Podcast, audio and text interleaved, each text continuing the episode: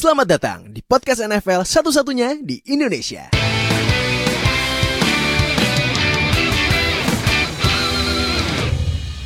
Baik lagi sama gue Fadil host kalian di Zero Knowledge Podcast edisi terbaru hari ini. Dan pasti lo tahu gue yang kemarin lu pada senang kan lihat gue main Madden 21. Anjing emang tuh game. Nggak ada yang bener tuh game, nggak ada. Akhirnya main Madden bang. Nggak mau, iya iya deh demi lu semua dah. Pada lu semua pada yang bang, Madden, bang, bang, bang. Gua gua ikutin apa kata lu. Tapi itu game apaan nggak ada yang berubah anjir nggak ada nggak ada yang berubah sekali sumpah cuman di yard doang yang bagus cuman tapi ada surprise lagi ntar jangan lupa nanti malam jam 7 karena ini kan eh, sore gua uploadnya jam 5 ya. Nah, eh balik lagi sama gua di eh, seperti biasa hari Jumat ada review Hard Knocks episode ketiga yang kemarin rilis yang menurut gua wow ini ini banyak banget nih talking point saya. Nah, ini gua kalau datang lagi dua tamu yang sama seperti minggu kemarin ada eh kru dari Zero Bus ada Alvin yang kemarin kalau kalian udah nonton buat kalian para pemain fantasy. Nah, Yoi. kalau kalian bingung nyari receiver siapa? Nah, nonton jangan lupa. Kalau belum langsung Yoi. nonton. Nah, ada Alvin Ini sama ayo. ada ini fans Rams yang bak yang menurut gua bakal jadi eh, topik hangat ini di sini karena Rams pertama kali main di stadionnya yang menurut gua wah gila nih stadion gokil emang gila nih gila gila stadionnya ini ada Yoi. Nuha. eh, sebagai fans Rams yang menjadi kontributor kita di Zero Knowledge Podcast khususnya buat analisis rookie dan lain-lain ya. Nah, jadi kita langsung aja nggak pakai lama langsung kita mulai bahas eh Hard Knocks episode ketiga yang belum nonton ya cari linknya di Reddit atau apa. Kalau udah, apalagi kalian yang Iya. udah join di line open chat, gue udah share tadi pagi. Kalau misalnya ada sih nanya, bang, linknya bang, lah kan gue udah kasih tadi pagi. Masa lu nggak merhatiin? Nah, jadi langsung aja mulai ini bag- pas awal-awal akhirnya ya. Dan gue ternyata Hmm. baru nyadar loh, ternyata tuh pemain NFL itu bilang the real training camp itu pas latihan pakai padding, pad, Hmm. pad, ya pad. Nah, Ya pakai pet betul. Cuman kan ini, nah gue mau nanya ke Nohan nih. Cuman kan kalau latihan pakai pad ini kan ya pasti kan pemain pada semangat gitu ya. Hmm, Ya mungkin mainnya pasti langsung pada hajar-hajaran gitu kan. Hmm, Nah, tapi menurut lu dengan tanpa preseason gini apakah latihan padding menurut lu para pemain Rams khususnya khususnya pemain Rams Hmm. bisa langsung adaptasi buat main full contact gitu? Sebenarnya agak beresiko ya, apalagi sekarang kan nggak ada preseason, which Hmm. is namanya real match itu di pertandingan preseason tuh nggak bakal ada. Jadi ditakutkan kalau memang misalnya nanti latihan itu menggunakan padding dan seperti latihan pada umumnya, Hmm. nanti takutnya banyak bakal banyak yang cedera. Kasus cedera pun sebenarnya juga udah banyak di tim lain. Contohnya kayak di tim tetangga sebelahnya deh, 49ers. udah berapa coba yang kecedera itu? Ah. Siapa cedera, siapa Iya. itu Brandon Ayuk, siapa lagi yang cedera itu emang sih semangatnya oke lah mereka bermain dengan passion, mereka ingin bermain lagi bermain American football. Tapi ya diingat sekarang musimnya berbeda, musim NFL-nya berjalan dengan cara yang berbeda, jadi mau nggak mau ya tetap harus beradaptasi dengan kondisi yang ada ya mau nggak mau ya harus beradaptasi lah dengan keadaan yang kayak gini. Jadi ya pelan-pelan aja sih kalau menurut gue latihannya. Ya mau nggak mau gimana lagi nggak ada preseason. Ah, iya sih. Terus eh, next, ini kan ada yang menarik juga ya. Sekarang kita ke tim yang tanda kutip numpang di sofa ya kayaknya. Saya kalau eh. ini pas lagi tim meeting, ini menurut gua agak intens ya, lumayan intens ya. Iya, iya, agak, benar. lumayan intens banget. Pas para receiver Chargers dikumpulin terus dimarahin sama wide receiver coachnya loh. Iya. Yang gara-gara Iya. nggak bisa ngeblocking. Iya. Nah, menurut lu, Pin, Hmm. dari lu lihat itu apakah defense bakal gampang ngebaca playnya Chargers yang terlalu kan katanya kan ya dia bahkan Anthony Lynn aja bilang pas lagi review video this is this is bad gitu kan. Ini ini jelek banget. Hmm. Gue Hmm. terus dia bilang gue udah telepon ke ke staff buat fit Keenan Allen. Nah, menurut lu ini Hmm. tim lawan kalau ketemu Chargers apakah bakal gampang ngestop offense-nya Chargers atau mungkin ya karena blockingnya jelek gitu kan, block run blockingnya jelek jadi uh, run defense-nya bisa efektif nge-stop Chargers apa gimana nih menurut lo? Ya menurut gua itu sih. Kalau yang dibilang coachnya kalau lu nggak bisa ngeblok, lu nggak bakal main kan gitu loh. Ah, Jadi emang wide receiver memang primary jobnya itu eh, tangkap bola kayak Ah. Keenan Allen ya. Iya. Kelihatan banget dia sebagai wide receiver udah top banget lah. Tapi kan ya kita butuh satu tim itu buat solid gitu loh. Nggak bisa cuman satu WR doang. Lu Ya. harus ngebantu eh, satu tim lu untuk reach entah itu first down atau mungkin touchdown gitu loh. Ya. Sebagai WR yang nggak bisa ngeblok itu bakal fatal banget sih. Jadi kalau ke depannya itu jadi salah satu weakness-nya Chargers Hmm. dan nggak bisa ngebuka jalan eh, jalan buat running back apalagi running backnya Chargers gue rasa kayak kecil-kecil gitu loh Austin Eckler, Oh iya, Keller. Joshua iya. Kelly terus Hmm. rookie-nya juga yang baru juga nggak terlalu bukan power running back kayak Melvin Gordon dulu gitu yang bisa Ya. breaking tackle sendiri jadi gue rasa Mhm. itu bakal jadi salah satu kelemahannya Chargers sih kalau emang mereka sampai nanti season mulai nggak bisa ngebenerin blok mereka Ah, oke oke. Nah, eh, next kita ke satu pemain yang sebenarnya masih sekarang masih masih top ya. Tapi pas Oke. dia di Broncos zaman no fly zone dia kayaknya jadi eh, leadernya no fly zone ya. Si Chris Iya. Harris Iya. yang eh apa namanya? Eh yang ini apa? Yang pas di Broncos sempet ada ini ya, ada one on one match up gitu ya sama Keenan Allen ya.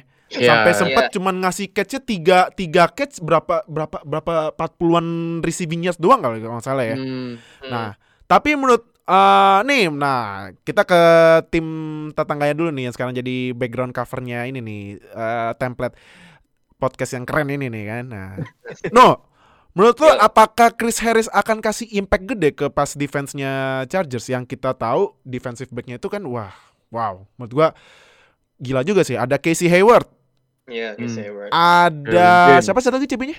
Derwin Desmond James King. oh ya Jasmine King Desmond King, Derwin James Mhm. tuh udah tiga tuh. Nah, menurut lo gimana? No? Apakah kedatangan Chris Harris bakal mempercantik pas defense-nya Chargers?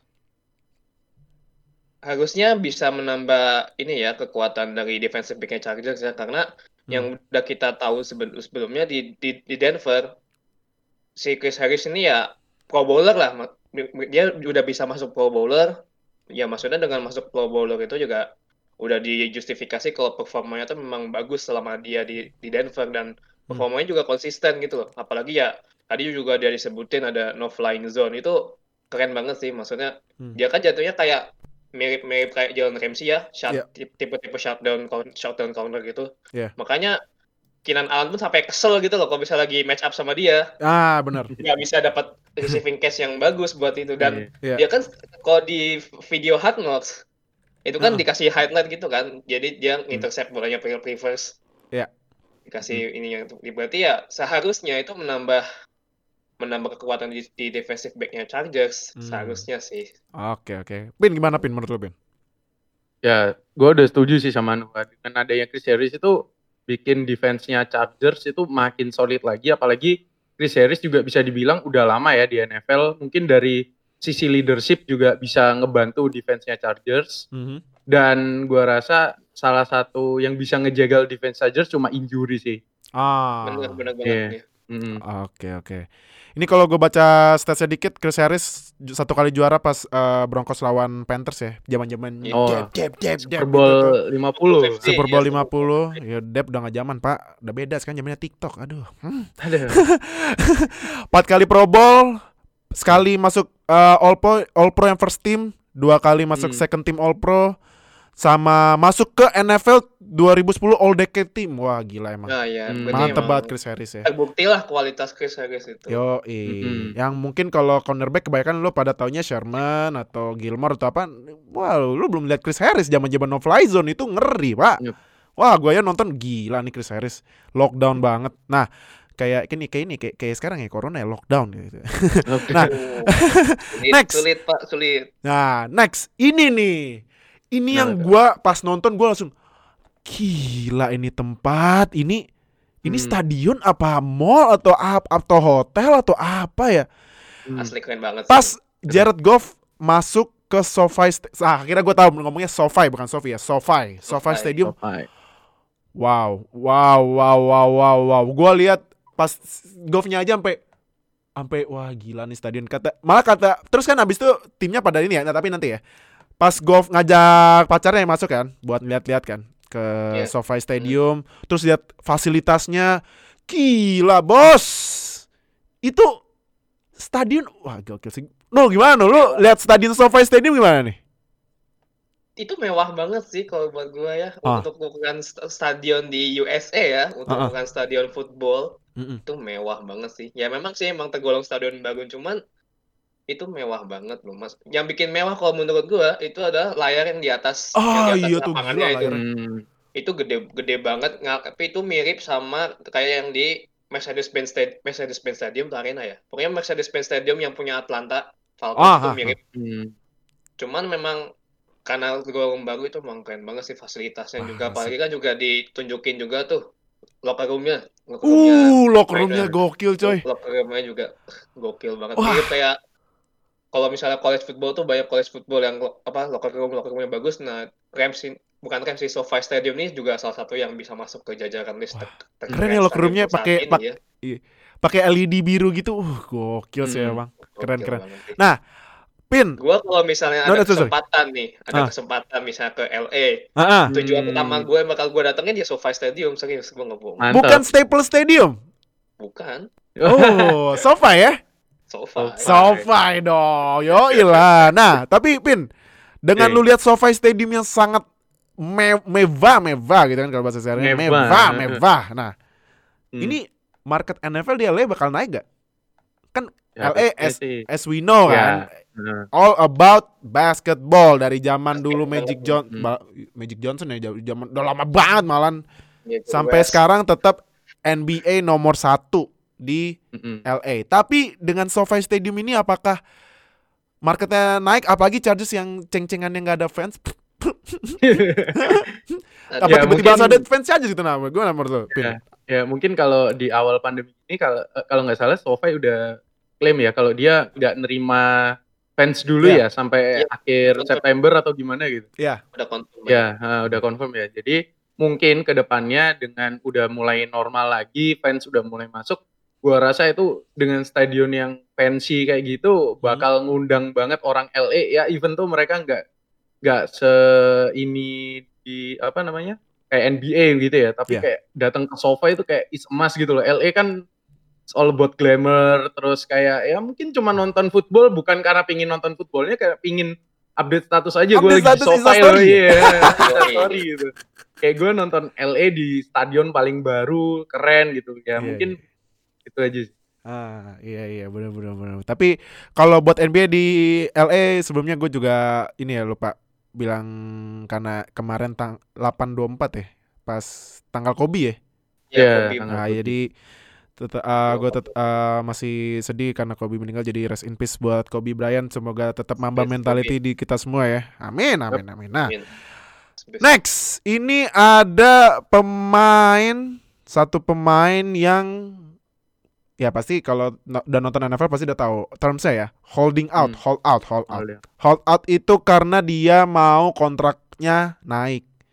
Cuman kan gue juga mikir ya kemarin abis extend Joy Bosa, ini ex- satu pemain hold out tuh ini gimana ngatur duitnya? Nah ini tandeman edge rushernya ya si Melvin Ingram yang Tandem holding out tapi ternyata dia tetap datang ke Hmm. ke fasilitas latihan cuman dia nggak masang helm sama pet cuma Helm. nonton aja nonton nonton gitu nah tapi abis itu Dadil di katanya ah kalau nggak salah kalau nggak salah kalau nggak salah ya ka- katanya guaranteed-nya dinaikin ya Mm-mm. nah jadi Dinaikin. per tahunnya itu 14 juta per tahun nah Pin menurut lu gimana Melvin Ingram apakah masih capable gitu jadi salah satu pass rusher terbaik di ya mungkin jangan NFL ya di NFC West Hmm. gitu Waktu di Hard Knocks-nya juga di dia diajak ngobrol kan sama coach-nya ya kalau nggak ah salah. iya iya iya iya kayak dia dikasih Betul. tahu kayak waktu itu Ravens juara itu bukan karena Ray Lewis atau bla bla bla tapi ada apa gitu namanya yang jadi seorang leadership dalam sebuah tim kayak gitu-gitu. Nah, Melvin Ingram itu kan bisa dibilang kayak salah satu senior di defense-nya Chargers gitu kan. Iya. Dia Iya, kan dibilang kayak heeh, kayak harus ngasih contoh gimana sebuah tim itu harus apa berjalan, gimana dia harus kontrol teman-temannya, terus apa kayak ngebantu satu sama lain. Tapi dari individual skill juga Melvin Ingram masih salah satu top player lah untuk defense-nya Chargers gitu loh. Mhm. Kalau nggak ada Melvin Ingram, gua rasa itu bakal jadi weakness gede banget buat Chargers gitu loh. Lu nggak bisa ngandalin Joey Bosa doang gitu loh, karena Hmm. Joey Bosa sendiri juga ada trouble dengan injury juga kan gitu loh. Jadi kalau kehilangan Melvin Ingram, wah bisa bahaya sih buat Chargers.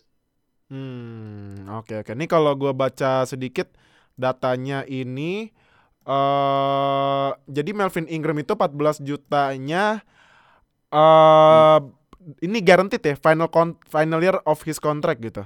Hmm. Nah, ini berarti tahun terakhirnya dia pasti dapat 14 juta. Cuman no, gimana no kalau menurut lo? Chargers Apa? udah restructure bukan bukan ini ya, bukan nambah duit ya sebenarnya kayak restructure. Ya sebenarnya sih nambah cuman diperbaikin gitu ya terms Iya, Nah, memperbaiki kontraknya betul. menurut lo apakah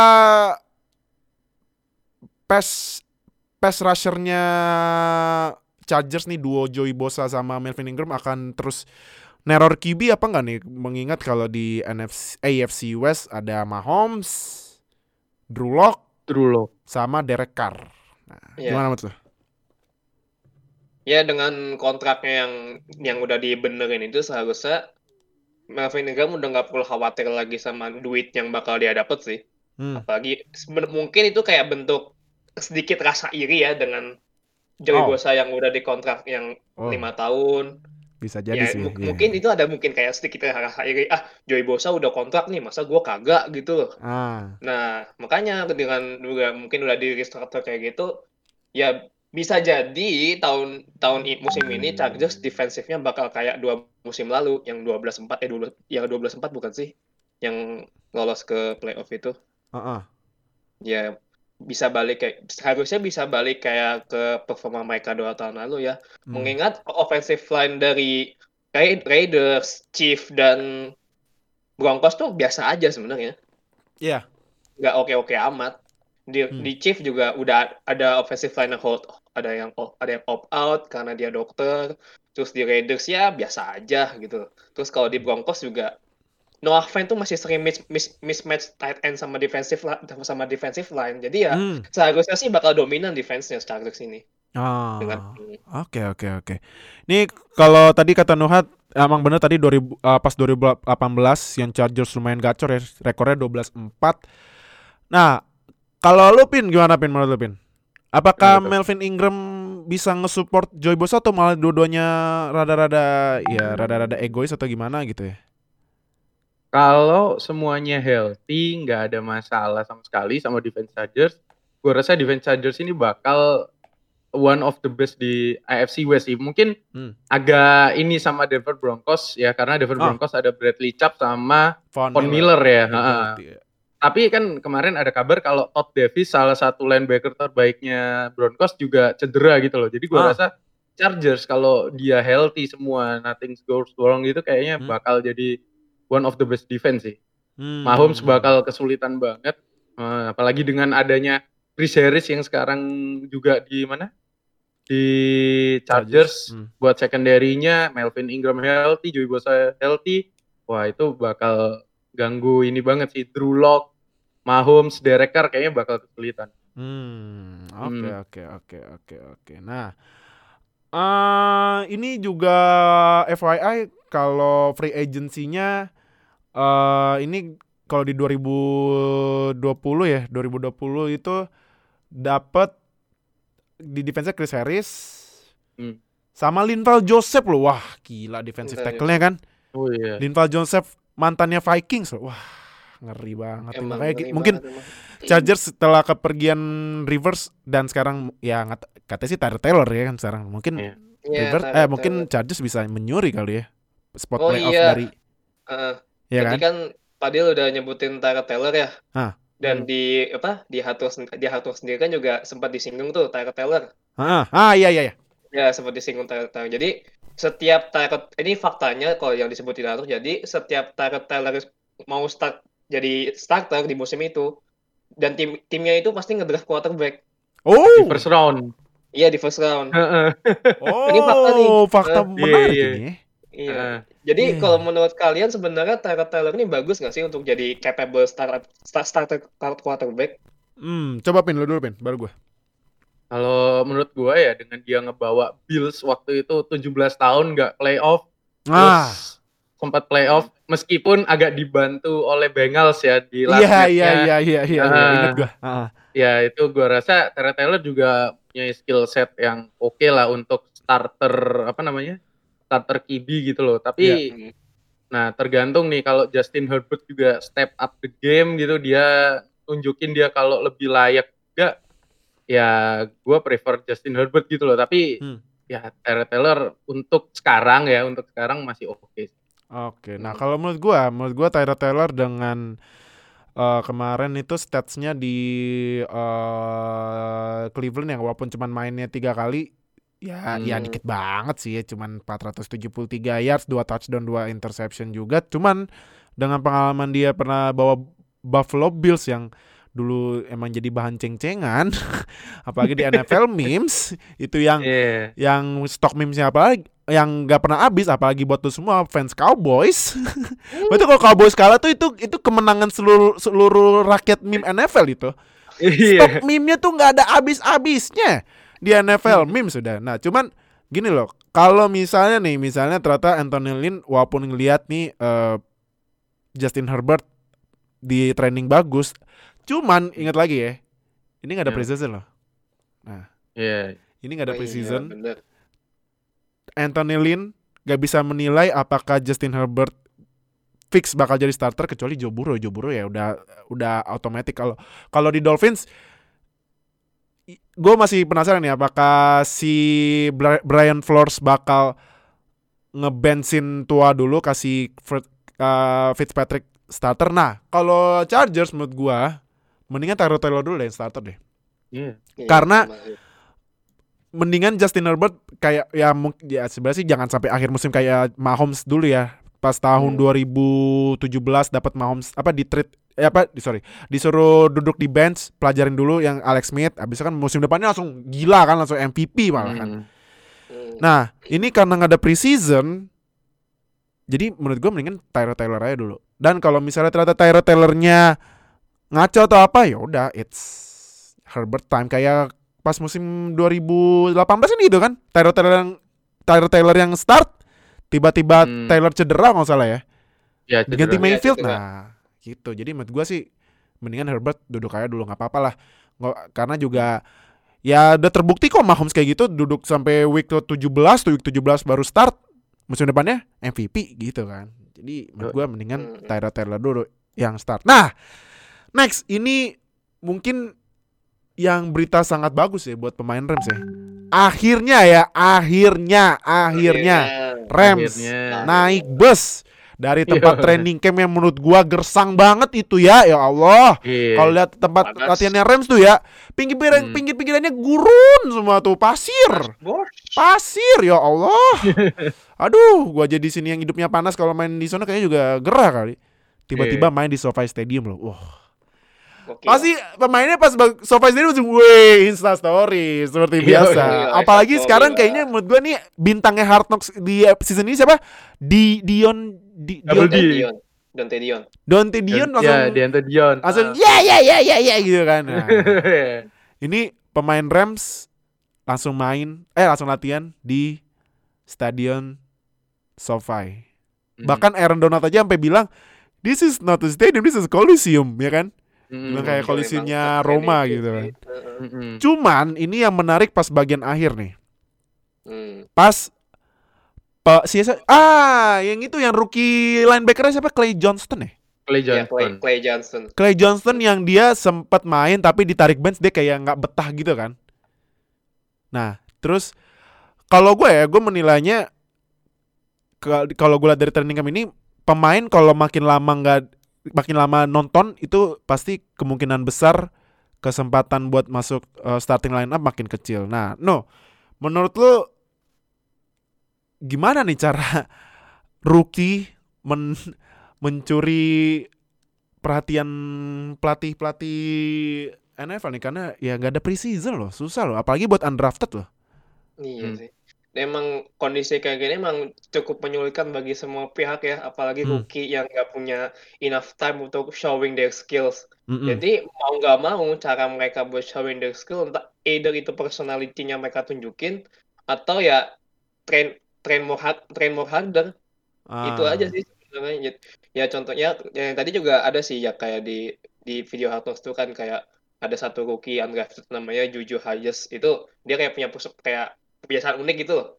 Punya kebiasaan unik. Jadi dia tuh Hah. hobinya tuh gigitin apa namanya? tusuk gigi. Oh iya Hmm. iya gitu segigi iya iya iya benar benar benar benar. Nah, jadi kayak punya keunikan sendiri itu mungkin bisa menjadi salah satu cara biar rookie itu show up di mata coach. Tapi ya personality aja sebenarnya nggak cukup ya. Mau nggak mau rookie apalagi yang undrafted itu memang punya beban yang lebih dibandingkan rookie yang drafted di first round, second round dan yang pokoknya yang brown round itulah. Itu Ah. mereka punya beban yang jauh lebih besar. Makanya mau nggak mau mereka harus ya train harder dan dan the others. Oke. Nah, Pin, kalau menurut lu kan ini kan sekarang kan rosternya harus dipot eh rosternya kalau training camp 80 ya. Dan nanti Hmm. perlahan dipotong jadi sekarang masih 53 ya kalau salah ya. Masih 53 ya. Lima Lima tiga. tiga. 53 tapi ditambah rosternya buat di practice squad ada tambahan 3 atau berapa gitu buat yang reserve atau kena ini kan yang kena Ya. COVID-19 list kan. Nah, Hmm. cuman menurut tuh dengan pemotongan ke 53 ini apakah rookie yang undrafted ke, apa kemungkinan buat di-cut jauh lebih gede dari sebelum-sebelumnya? Gua rasa iya sih apalagi nggak ada precision. Ya apa yang bisa mereka tunjukin gitu kan? Heeh. Kayak mereka latihan lawan teammate mereka sendiri gitu. Ah, ah, ah. Jadi kayak kurang kurang ada kesempatan. Salah satu cara ya kayak Nuha bilang tadi sih dengan nunjukin apa yang mereka punya, personality-nya. Terus ya intinya never stop grinding lah gitu. Hmm. Karena iya, karena nggak ada nggak ada cara pak untuk mereka buat buktiin kalau mereka itu board untuk nggak di-cut gitu loh. Hmm. Dan yang biasa mereka lakukan ya kayak gitu dan gua rasa sebagai organisasi tim gitu kayak LA Rams atau Chargers juga yang nggak mau ambil resiko dengan apa namanya undrafted player gitu loh. Kalau Hmm. memang ada toh paling juga satu dua gitu yang lolos namanya tim juga nyari yang terbaik kan jadi ya mau nggak mau emang ya harus cari yang terbaik sih dari mereka mereka itu Oke. Nah, cuman tadi yang gue menarik ya. Ini gue kaget juga loh. Ternyata Clay Johnston ini bapaknya dulu pelatih strength apa conditioning conditioning Packers dulu ya. Strength apa Ya, conditioning gue lupa. asistennya Bradford Oh, iya. gitu loh dia. Ah, dia ternyata bapaknya Clay Johnston ini sangat dekat sama Brett Favre bahkan jadi Hmm. best man-nya Brett Favre pas, Basementnya. pas Hmm. menikah loh. Terus Iya. yang gua yang ada cute momennya gitu ya. Pas Clay Hmm. Johnston masih kecil terus diangkat sama Brett Favre. Gila gua aja ngangkat anak kecil kayak gitu gak, gak berani gua terjatuh itu.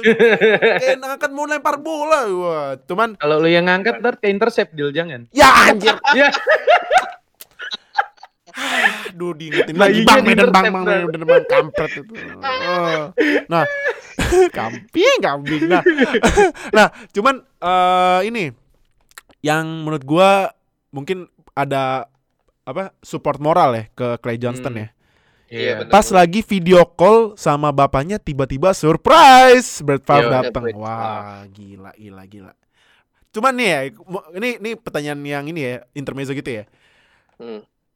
Kalian kalau misalnya tiba-tiba ini lagi video call atau apa gitu kan. Terus ada idola kalian yang surprise, maunya siapa? Bu, Alvin dulu. Waduh. Idola gua udah pindah tim, Pak. Aduh.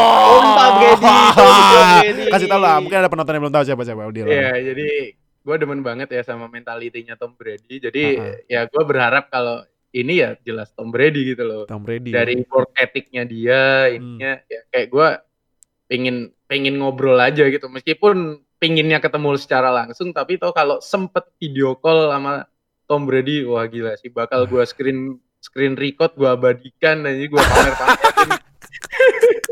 Po, screenshot. Meskipun dia pindah dari Patriots. Gak Oh, apa-apa. ya, gak apa-apa. Ya, karena karena gue suka personalitinya Ah, di mana pun iya, mau iya. dia main itu kan ya itu bisnis lah gitu loh sport is bisnis gitu kan Iya, benar-benar. Iya. benar-benar. Di di screenshot, dipajang pas Pas foto story, gitu ya. iya. Oh. Di, di, di, di, di, Nu, kalau lu siapa, dibingkai. Idola yang pengen lo ketemu gitu. Hmm, idola ya. Ini Ah. ini lumayan bingung ya soalnya Banyak ya. banyak banget. Tapi Hmm. kalau disuruh milih sih mungkin nggak bakal dari tim gue sendiri ya. Hmm. Gue bakal milih ini siapa? Aduh, kok lupa gue namanya. Pemain siapa? Biar gua- Pemain ini. Siapa sih aduh. Oh Pemain siapa? iya. Dari ini. Mana? Green Bay Packers, Aaron Oh. Rodgers. Aaron Rodgers. Oh, Iya, Aaron iya. Rodgers ya iya iya iya. iya, Kenapa iya. Roger? Aaron Rodgers Mungkin- ya. Iya karena bagi buat gue yang baru mengikuti NFL masih baru yang belum terlalu lama itu Aaron Rodgers tuh tiba-tiba ada muncul aja tiba-tiba di pernah muncul di timeline YouTube gue tuh pernah Heeh. atau Hmm. di timeline Instagram gue pernah ini waktu gue tuh nih ini siapa sih kok keren banget mainnya emang emang Rodgers mainnya keren banget sih waktu itu Mm. apalagi dia kan tipe improviser ya tipe Ah, quarterback improviser ya, ya. improviser jadi kalau misalkan receiver receiver itu di di shutdown sama ini pemain-pemain lain dia bisa lari atau bisa bikin-bikin flashy plays ingat ya netizen suka flashy plays gue dulu Iya. juga gitu suka flashy plays Hmm. Iya iya iya iya. Netizen Iya, suka iya. flashy plays ya. iya, iya. enggak tapi emang memang apalagi dengan pernah juara ada yang secara personality juga keren sih jadi ya kalau ada kesempatan gue pengen deh ngobrol gimana caranya bisa ngelempar bola dengan baik dan benar Wah, gitu iya ngelempar bola. Soalnya Apalagi- ya gue juga pengen main football bisa lempar bola kan susah banget tuh sebenarnya lempar bola Iya iya Hmm. iya iya. iya. Apalagi ini ya minta ajarin eh, Rodgers, Bang, Bang. bang.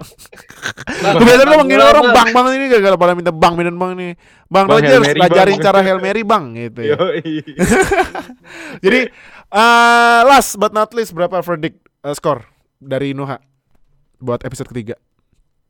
karena SoFi Stadium udah ditunjukin ya gue bakal kasih 9 Sembilan ya, woi. iya. Langsung the ya. best the best part of in this episode tuh ya SoFi Stadium itu Surprise nothing less. Gokil emang. Nu, eh, pin berapa pin? 8 lah, Delapan 8. ya. Masih kurang dramanya, butuh drama Ah, ini Hard Knocks. Iya nih. Iya. Hard Knocks nih harus. Iya. Tapi kalau ima, Ini kalau menurut gua ya, Iya. dan Hmm. mungkin kalian juga udah pernah nonton satu series ini. Kalau menurut gua kalau drama, apalagi kan ya memang karena ini diliputnya pas regular season ya. Hmm. Hmm. All or Nothing All or menurut gua Nothing, dramanya iya. jauh jauh lebih Hmm. berasa daripada Hard Knocks sih karena kan Iya, ya kalau All- kalau nothing bener sih. Karena kan Hmm. kemarin juga All or Nothing pas di Eagles kan pas Eagles gak ada receiver sama sekali Iya. wah itu dilatih tuh pusingnya si Doc Doc Peterson. Doc Peterson ya Doc Peterson Hmm, ny- milih WR siapa nih harus sampai practice squad nih siapa gitu kan nah Iya. running backnya juga abis lagi pas itu kan oh Hmm. Iya. Kalau menurut gua sih- Carson Wentz lagi. Aduh, pusing. Nah iya Wentz juga Hmm. cedera lagi aduh apalagi dikasih lihat yang pas Josh McCown yang gagal di playoff terus nangis lagi aduh gue liatnya Aduh. Iya, itu. yang dia ini ya gue masih inget yang kalau kalian udah nonton ya di episode terakhir ya yang Josh McCown aja jalan buat jalan ke locker roomnya aja sampai berhenti loh sampai kayak Iya, nggak nenangin kuat, diri nggak nggak kuat ya jadi kalau menurut gua ya menurut gua kalau misalnya kalian mau nonton series lain tentang American football ada Oh. dua gua sarannya selain Hard Knocks ya All or Nothing di Amazon Prime Video atau Last Chance You di Di Netflix, Netflix. Yoi. Last Chance You tuh. Nonton deh Last Chance You tuh bagus. Abis di season pertama udah bagus. Sekarang juga masih bagus. Nah jadi itu buat podcast sekarang buat hari ini buat bahas Hard Knocks seperti biasa hari Jumat. Jangan lupa besok di weekend bakal rilis American Football One on One Uh, kita bakal bahas posisi-posisi defense. Kalau minggu kemarin udah posisi-posisi offense. Dan jangan lupa 14 hari lagi menuju NFL season.